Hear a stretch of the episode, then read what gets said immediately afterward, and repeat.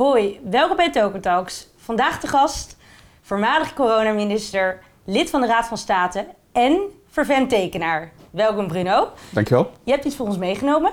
Ja, ik heb hem, wil je me eh, hebben nu? Laat maar zien. Ja. Jongen, jongen, om daar nou mee te beginnen. maar inderdaad. Het was op verzoek, hè? Dat je niet denkt eh, dat ik hem heb meegenomen uit eigen vrije wil. Maar Nee, kijk, ik heb eh, je hebt een prachtige tekening voor ons gemaakt. een coronamannetje over de anderhalve meter samenleving. Dus ik hoop dat eh, corona eh, langzaam het land eh, verlaat. Maar sommige aspecten van de anderhalve meter samenleving zullen we wel in ere houden. Ik vind het nog steeds makkelijker om een box te geven dan een hand te geven. En een knuffel geven, dat doe je eigenlijk ja, helemaal niet, niet, niet meer. Dus we zullen denk ik wel dingen van die anderhalve meter samenleving overhouden.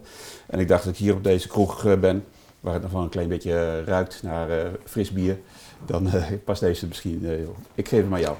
Dank. Hoe zag het le- leven van de 16-jarige Bruno eruit? Ehm, eh, ik, ben, ik ben opgegroeid in, in Drenthe. Ja, ik ben geboren in, in Arnhem. Maar we gingen naar Drenthe toe en daar heb ik een heerlijke jeugd eh, gehad. Ehm, ik ben op de middelbare school in Emmen geweest. ja. En ik denk ook dat ik daar mijn eerste biertje heb, heb gedronken. Maar dus alles was ook heel verspreid. Kijk, het is nu lekker. Ik woon nu in Den Haag en daar is alles lekker dicht bij elkaar. Kun je op fietsje overal heen. Maar vroeger had je echt wel een brommetje nodig om naar school of naar vrienden eh, toe te gaan. ja. Hoe zag je eh, gezinssituatie eruit? Eh, ik kom uit een eh, gezin met één, één broer, dus we waren Ja. met z'n- vieren. Echt een gezellig jaren zeventig gezin. Ik zei al, ik kwam, wij kwamen in Drenthe eh, wonen, kwamen uit Arnhem. En we hadden dus heel erg de neiging, zeker mijn ouders, om eh, aan alles mee te doen. Eh, dus aan de, aan de kerk en eh, de VVD, eh, mijn vader, eh, de, de vrijmetselarij, eh, de Vereniging Openbaar Onderwijs. Dus eh, er werd veel vergaderd bij ons thuis, herinner ik nog wel. Mooi. En wat werd er bij jullie in het gezin nou voornamelijk aan die eh, houten tafel besproken? Ja, dat, mijn, eh, mijn vader is eh, in de jaren zeventig eh, vrij lang overspannen geweest. Dus dat hakte er eigenlijk wel goed, goed in. En dat was in de periode dat we ook net een, een, een andere boerderij hadden gekocht. En die combinatie was niet zo heel erg gelukkig. Dus we hebben echt jaren gehad dat we nog in het oude huis woonden. Het nieuwe huis was er al. Maar voordat, we daar, voordat dat was, was verbouwd, voordat we er echt in konden, ja, de- mijn, vader had echt nodig dat hij weer op energie eh, kwam. En dat heeft denk ik in mijn, in mijn herinnering heeft dat wel een jaar of drie gekost. Wat heeft dat voor impact eh, op uw leven gehad en misschien ook later? Eh, het wil niet zo lukken met dat je en jij, hè Marie? Je, sorry, nee. Het, nou wordt het... ehm, eh, dus ik heb later eh, mijn studie afgemaakt. Mijn vader heeft dat in zijn jeugd niet gedaan. En Ja. ik denk ook dat dat wel daar iets mee te maken heeft. Ik ben niet zo erg van dat gepsychologiseerd, dat kan ik niet zo goed. Maar ik denk dat het met elkaar te maken heeft. Dat Ja. je als je vader zijn studie niet afmaakt... Hij heeft wel een heel mooi leven eh, gehad. Oude kerel geworden. Maar... ehm, eh, omdat hij het niet heeft afgemaakt, was dat waarschijnlijk een extra motivatie voor mijn broer en mij om, om wel onze studies af te maken. Ja, om daar wel voor te gaan. Ja. En daarvoor bent u naar Groningen verhuisd. Ja, ja zeker. Ja. Wat bent u daar gaan studeren? Rechten. Rechten. Ja. Dus eh, dat, dat- met dat tekenen heeft dat wel iets te maken. Ja? Eh, dus ik wist het echt absoluut niet. Ik zou heel graag zou willen blijven tekenen. Dat Ja. leek me heel erg leuk. Maar mijn ouders zeiden, ja Bruno, zou je dat dan wel doen? Is dat nou wel vastigheid? Eh, bovendien, kun je wel goed genoeg tekenen om daar een living van eh, te maken? Nou, waarschijnlijk niet. Eh, maar ik vond dat tekenen heel erg, eh, erg leuk. Maar toen dat niet een optie was, kunstacademie of zo, Ja. dat dat niet echt een optie werd. Toen was er een vriendje bij mij op school en die zei, ik ga rechten studeren in Groningen. Ga jij dat ook doen? Nou, dat viel in goede aarde. Mijn vader had ook in Groningen gestudeerd. Eh, en nou ja, zo rolde ik makkelijk naar, naar Groningen toe. Heerlijk. Ja, en toen bent daar uiteindelijk lid geworden. Was dat iets eh, wat in uw familie al heel erg gewoonlijk was? Ja, de oude, dus mijn vader eh, is, komt uit een boerenfamilie. Ja. Eh, hij was de eerste die ging studeren. Maar hij werd lid, lid in Groningen van de kroeg. En dat ben ik nu weer geworden. Mijn broer trouwens ook. Ja. En inmiddels een van mijn kinderen ook weer. En woonde u ook destijds op een Vindicathuis? Ja, onze hadden een kroeghuis in, dus, eh, in Groningen. Je weet waar de sociëteit zit, Ja. aan, de, aan de Grote Markt. In het straatje daarnaast is de Sint-Janstraat en over de brug heet het de Nieuwe Sint-Janstraat. Ja. En wij wonen in de Nieuwe Sint-Janstraat. Nou, over je huis gesproken. We hebben live verbinding vanuit Dubai. Ja. We hebben iemand eh, die graag nog iets zou willen toezeggen. Super. Ik ken Bruno sinds 1987, toen ik in zijn studentenhuis kwam wonen als eerstejaars. Bruno was toen zesdejaars. En ondanks dat leeftijdsverschil werden we al snel goede vrienden. Bruno en ik hebben allebei een voorliefde voor soulmuziek. En in zijn studentenkamer had hij al zijn kasten gevuld met soul-LP's. En ik vond het altijd geweldig om bij hem op de kamer te zitten en plaatjes te draaien. En elk muziekje wat hij opzette, daar had hij een mooi verhaaltje bij. Hij had gewerkt in de discotheek Het Skopje, vlakbij Groningen. En ik neem aan dat hij daar zijn kennis vandaan had. Daar had hij veel geleerd, volgens mij, over de muziek. En het was voor mij dus ook heel inspirerend. En we praten nog steeds veel over muziek. We gaan deze zomer samen naar een concertje van Chic. En ik zou willen weten uh, van welke artiest, uh, welke soul-artiest, hij nog graag een keer een live optreden zou willen zien. En ik ben daar natuurlijk graag bij. Kijk, dat is toch geweldig. Hey, Mulder, bedankt hè. Helemaal uit Dubai. Ontzettend leuk. Ja, dat is een van mijn dierbare uh, huisgenootjes. Inderdaad een stuk jonger uh, dan ik. Maar hij, dus hij zit er bijna in de volgende generatie. Maar hij zat echt op zo'n zo'n draaischijf. Dus Ja. hij, is, hij is voor mij de huisjongste. En hij, is voor een hele, hij heeft heel lang in het huis gewoond. Dus voor een hele hoop mensen is hij weer de huisoudste. Dus hij heeft een hele grote reach, zeg maar. Heel veel jaren eh, kennen, kennen hem. Kennen hem. Hij woont nu in, eh, in, eh, in eh, Dubai. Ga, hem, Mooi. eh, ik ga hem ergens in maart ga ik hem bezoeken, samen met een paar andere oud-huisgenoten. En inderdaad, we gaan naar eh Chic.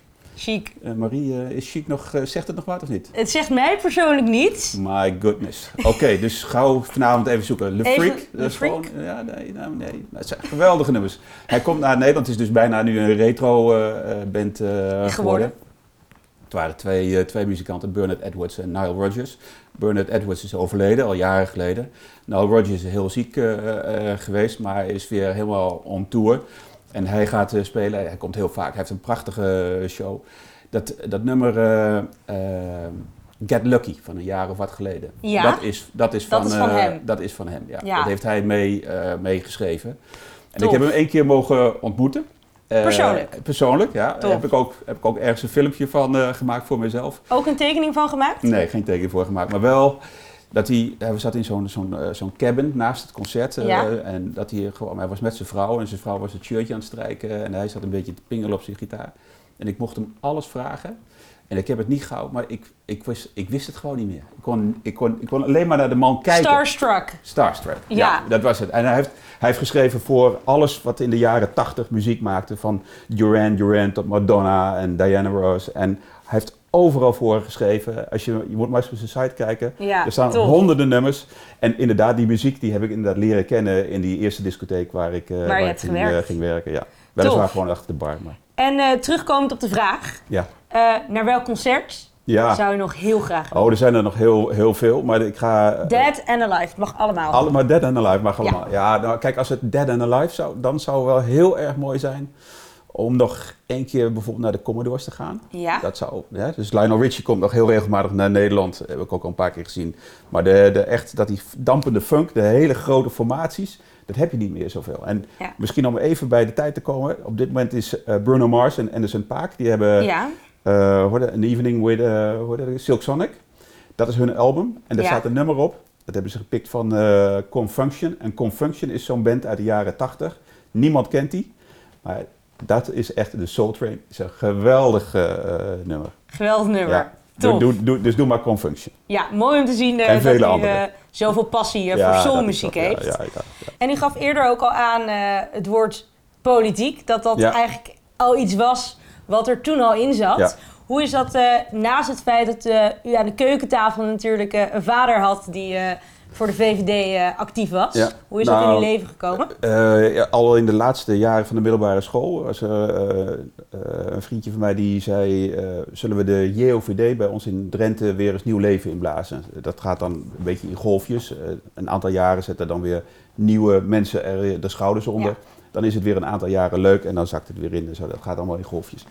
Ehm, en wij hebben toen ja, die, die afdeling opnieuw leven ingeblazen met een groepje. En, eh, nou, en dat bleef een beetje plakken. En dat was een beetje op de rand van gezelligheid en politiek. Ja. Dus je kon avonden organiseren. Je moet je voorstellen in Drenthe, veel mensen met, met grote boerenwoningen, eh, waar je makkelijk veel volk kon, eh, kon hebben. Dus je kon makkelijk een debat organiseren bij iemand thuis. En anders deed je het ergens in een, in een restaurant. Eh, dus we hadden ja, veel debatten en dat werd dan aan het eind van de avond werd dat een gezellige eh, avond. Dus de aanraking met de politiek is eigenlijk uit die eh, tijd. Uit die tijd. En toen tijdens uw carrière bent u ook weer actief geworden? Nou, in de, toen ik ging werken na mijn studie, toen gingen we vrij snel, ging- daarna gingen we in Den Haag wonen. Ja, wat doe je dan? Dan ben je toch na je, naast je werk, ja, wat, dan ga je weer andere dingen eh, doen. En één daarvan was lid worden van de, van de VVD. En de eerste avond is altijd een beetje moeilijk, want dan kom je op zo'n nieuwe afdeling. En de afdeling Den Haag, in die tijd vond ik dat heel erg nog een beetje een gesloten eh, afdeling. Leek mij dat. Ja. Valt allemaal heel ernstig mee als je daar eenmaal eh, komt. Maar als je dan weer een, ja, daar, daar de eerste keer bent geweest, en nou, men had daar wat jongere mensen voor nodig voor op de kandidatenlijst voor de gemeenteraad. Eh, en zo rolde ik in 1994 eh, in, de- in de gemeenteraad van, eh, van Den Haag. En waar heeft u eh, zich destijds hard voor gemaakt in de gemeenteraad?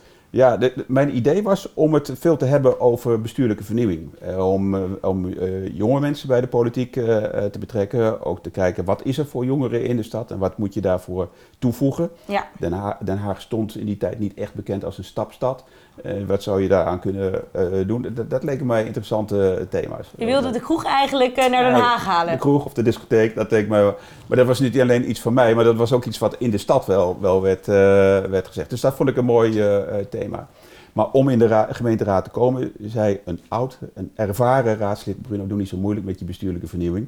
Je moet gewoon iets bedenken wat heel dichtbij je ligt. Ja. Dus je moet het gewoon hebben over het openbaar vervoer. Dus ik werkte bij een openbaar vervoerbedrijf. Dus als je het nou gewoon hebt over het openbaar vervoer, dat spreekt iedereen aan. Want die discotheken van jou, of die bestuurlijke vernieuwing, dat soort onderwerpen, dat is allemaal maar een Te beetje ver van, niche. Ja, Ja, een beetje te ver van mijn bed.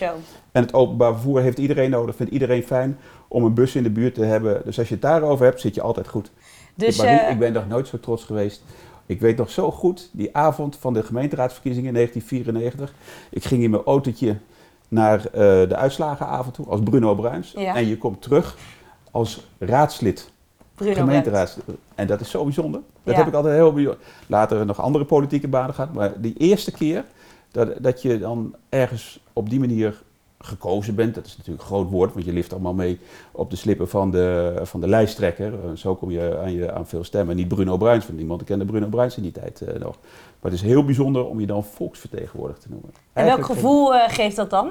Ja, dat je heel erg onderdeel van een, eh, van een samenleving, van een, in dat geval een stedelijk weefsel bent eh, Ja. geworden. En dat, was, dat, vond ik, ja, dat vond ik machtig. Op een gegeven moment heeft u gekozen om fulltime de politiek in te gaan. Ja. Ehm, en op een gegeven moment op een dag wordt u gebeld door Mark of u minister eh, van de Ja. medische zorg en sport wil worden. Hoe gaat zoiets? Eh, ja, dan maken we echt wel een sprongetje in de tijd. Eh, dus als je heel lang actief blijft in, die, eh, in de VVD, het worden een soort twee sporen naast elkaar. Aan de ene kant heb je gewoon een baan en dat gemeenteraadslid, dat is een, een bijbaan, een nevenfunctie. En op een gegeven moment, precies zoals je zegt, wordt dat politieke werk wordt de hoofdfunctie.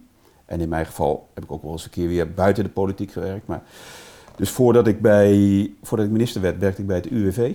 Ja. Eh, en ik reed op een goede middag uit Amsterdam naar eh, Den Haag. En eh, Rutte die belde op. En dat, ik kan het bijna niet nadoen, maar net dat bekende enthousiasme. Hé hey Bruno, alles goed. Eh, ja, ik zoek je, eh, want ik heb een minister voor Medische Zorg en Sport nodig. En die werkt bij het ministerie van Volksgezondheid. En dan krijg je ook sport. Dus dat zit niet bij VWS, maar die S van, dat zit niet bij de minister, maar dat zit dan bij jou. Marie, ik was binnen een paar minuten was ik helemaal het spoor kwijt wat hij eigenlijk precies zei. Ik, ik heb alleen maar onthouden eh, de vraag, wil je toetreden tot mijn team? En, eh, en daar, heb ik, daar heb ik natuurlijk, zou ik willen zeggen, daar heb ik ja tegen gezegd. Ja. Mooi. En dat is wel heel bijzonder. Ja, snap ik. En waarom denk je dat op dat moment Mark jou heeft gebeld?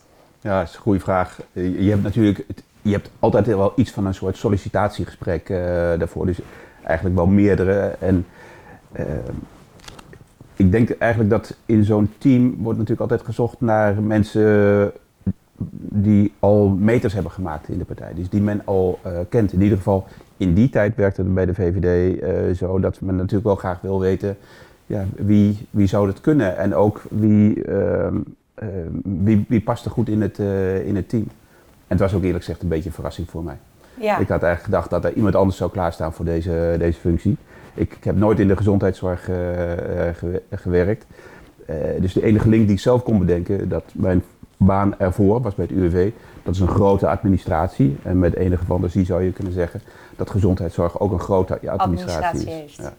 Ja. snap ik. En wat vind je, ervan, dat, vind je ervan dat je zonder inhoudelijke dossierkennis toch aan het roer gaat staan uh, nou, het is geen ministerie, maar wel van zo'n beleidsterrein. Ja, nou, ik denk dat het beter is als je wel ervaring hebt in zo'n beleidsterrein. Hè. Dus ik heb daarna, na het ministerschap, ik weer een jaar in het openbaar vervoer gewerkt.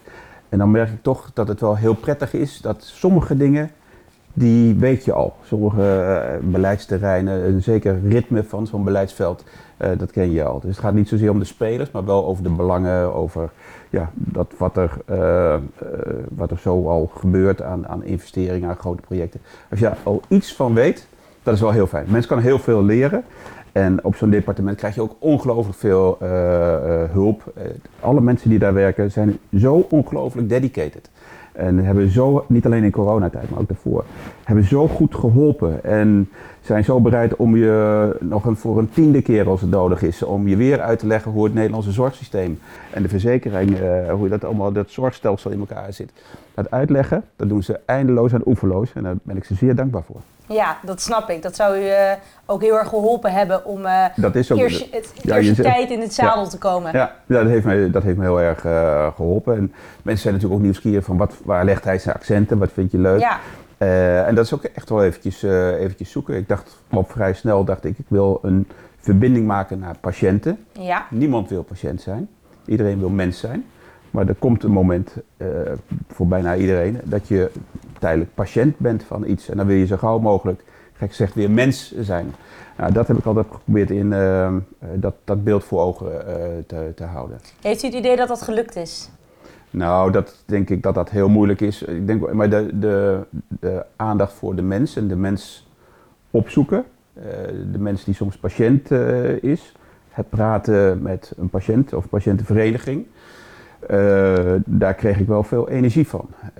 En ik denk ook dat, als ik terugdenk aan dat soort gesprekken, dat die energie ook van twee kanten wel, wel kwam. De VVD is natuurlijk destijds aanjager geweest, samen met enkele andere partijen, van de privatisering van de zorg. Hoe heeft u na uw ervaring als minister van Medische Zorg, hoe kijkt u daarop terug, op dit besluit? Ja, het is, een, het is een ontwikkeling over een reeks van jaren. En ik denk dat die energie die bij private partijen, of het nou de huisarts of de tandarts of het ziekenhuis is, ik denk dat je daar misschien wel het beste van krijgt. Als mensen echt voorop zetten de patiënt, waar we net over hadden, dan krijg je echt wel de beste zorg ervan.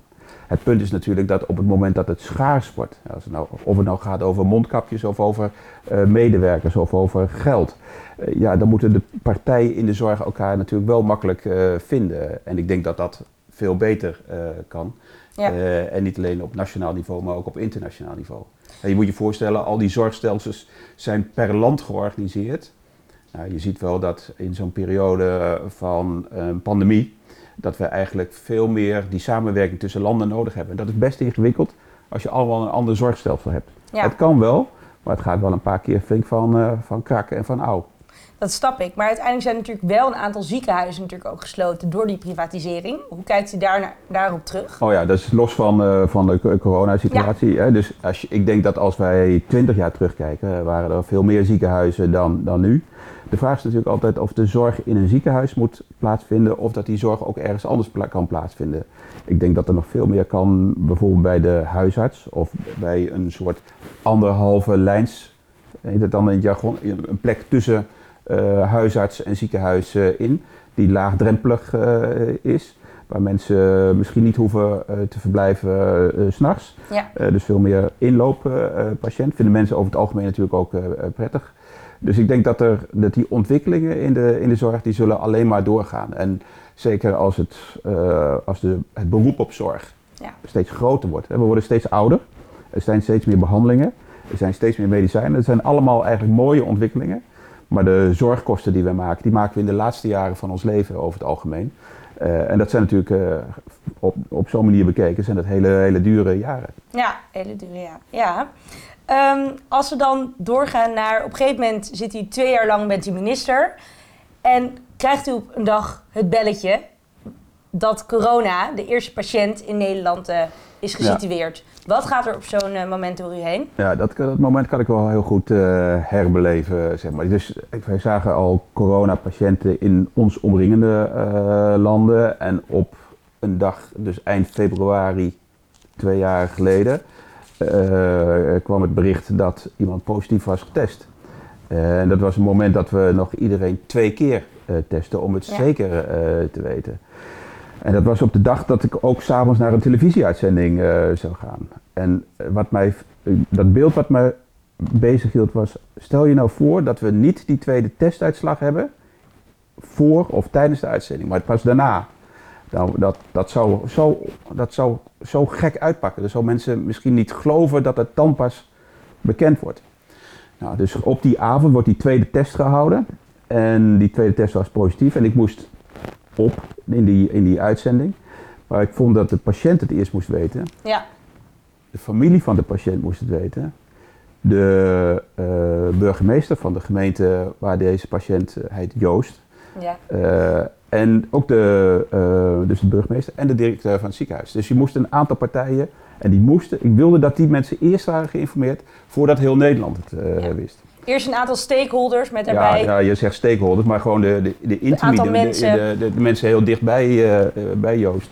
En ik heb hem de volgende dag of twee dagen later, en ik denk, dat, nou, ik denk de volgende dag heb ik hem ook gebeld. Ik zeg, Joost, hoe gaat het? Hij zei, ah, met mij gaat het eigenlijk wel goed, ik heb niet eens zoveel klachten. Maar eh, waar ik me zorgen over maak is over mijn familie. Eh, want daar was natuurlijk, ja, je dat begrijp ik ook heel goed. Dan staat alle media staan natuurlijk daar in de buurt van zijn huis. Ja, maar hier heeft u ook weer de patiënt op de eerste plek proberen te zetten. Nou ja, dan probeer je, je probeert dat persoonlijke contact, dat vind ik wel, vond ik wel heel belangrijk. Maar ik dacht ook dat is belangrijk, want dan, eh, ja, mensen vragen ook aan mij, hoe gaat het dan met die patiënt? En dan kan Ja. ik dat ook vertellen. En dan kan ik wel vragen aan de directeur curatieve zorg, wil jij misschien eens bellen met, eh, eh, met de patiënt? Maar dat kun je net zo goed zelf doen. En Ja. eigenlijk vind ik ook dat het, dat het daarom gaat. Maar je maakt het jezelf ook wel ingewikkeld natuurlijk, als Ja. je als je dat persoonlijke contact wil, wil, eh, wil doen. Soms wordt het dan ook te veel. Nou, dat is ook gebleken. Ja, dat snap ik. Op een gegeven moment werd het u te veel en Ja. heeft u gekozen om af te treden. Eh, ondertussen zijn we twee jaar verder en eh, bent u ondertussen ook alweer lid van de Raad van State. Hoe gaat het nu met u? Goed, dankjewel. Vooral die eerste maanden waren na het om, omvallen of terugtreden, dat vond ik ingewikkeld. Eh, je hebt toch heel erg het gevoel van eh, je stapt uit een team en die trein rijdt verder en jij bent er niet meer bij. Sommige van die mensen mis je ook wel. En je bent natuurlijk zo erg met dat onderwerp bezig, corona, maar ook met, verbonden met dat, eh, met dat team, met dat kabinet. En daar zitten ook een aantal eh, mensen in met wie je het heel erg goed kan vinden. Ja. En die zie je dan opeens ook niet meer. Eh, dat, dat is heel gek. Dat je thuis komt te zitten, dat, dat, ja, dat, dat was in die zin nog niet zo gek. Dat, dat half Nederland kwam thuis te zitten in die corona. Het is, eh, heel Nederland ging op slot. Ja, Heel veel mensen waren thuis en Bruno Bruins was ook thuis. ja, Ehm, en die, zeker in de eerste tijd hebben we ongelooflijk veel reacties gekregen. Hartverwarmend veel eh, reacties. ik zag inderdaad ook op LinkedIn dat eh, u op een gegeven moment een post had met bijna 80.000 likes. Wat Ja. doet zoiets met u? Ja, dat is geweldig. Dat is onvoorstelbaar. Daar, daar- daar- daar krijg je de, de kriebels van op de rug. Dat Ja. is zo lief. Dan zijn wij een heel lief eh, land. Dus als, als bestuurder, als politicus word je stevig eh, aangepakt. En dat begrijp ik ook. Er was ook veel oprechte zorg over corona. Is er misschien nog steeds. Maar zeker in die tijd veel oprechte zorg over corona. En dat er dan een minister kritisch wordt bevraagd. Dat snap ik heel, heel goed. Gegeven Ja. die onrust die er, eh, die er is.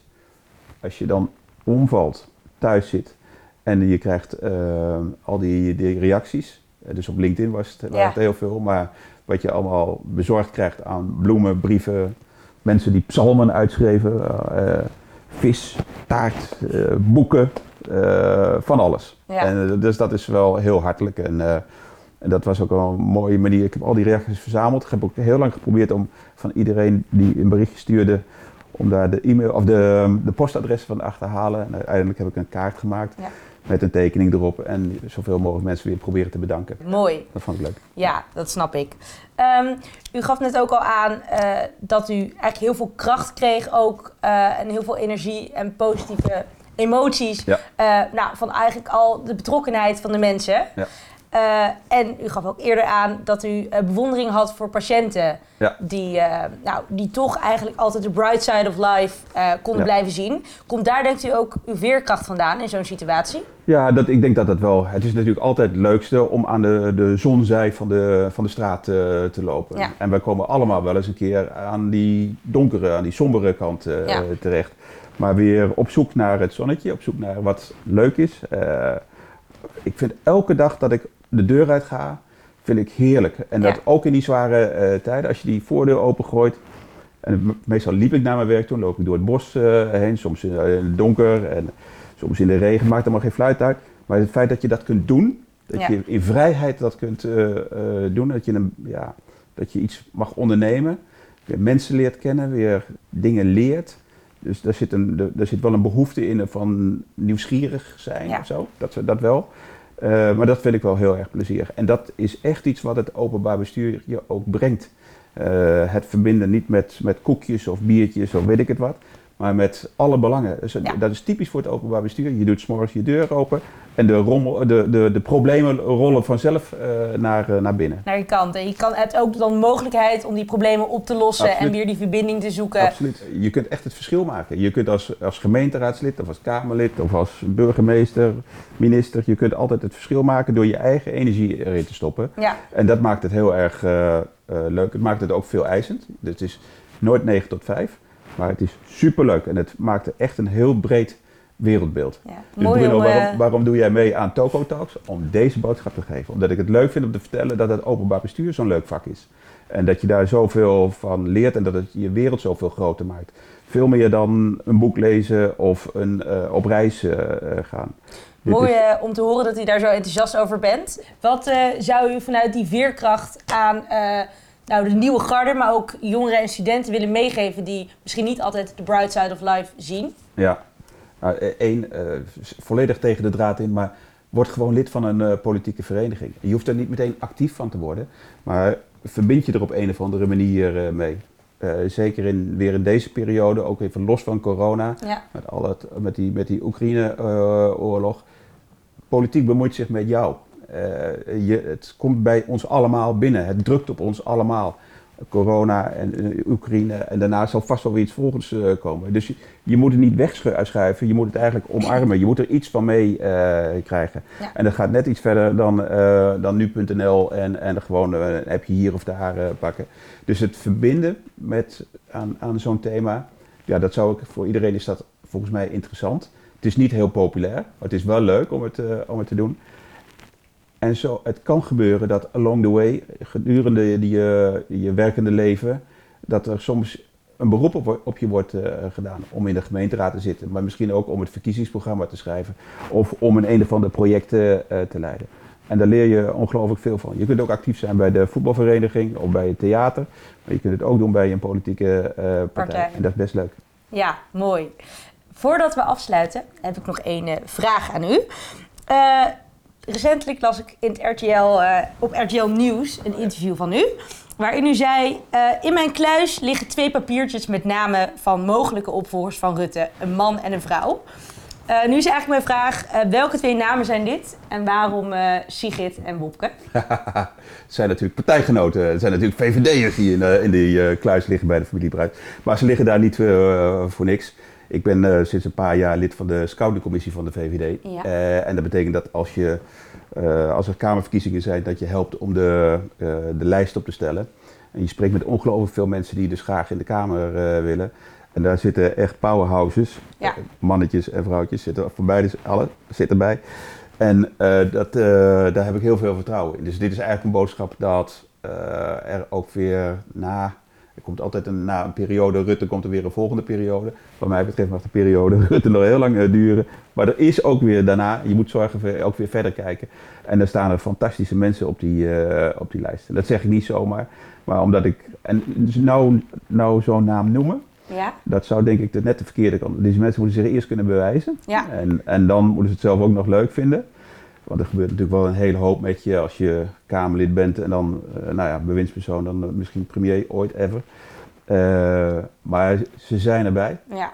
en dat vind ik een heerlijk gevoel. En daar Ja. heb ik heel veel vertrouwen in. Mooie nou, toekomstbeeld. Heel erg bedankt voor je gesprek. En jullie bedankt voor het kijken. Tot de volgende aflevering.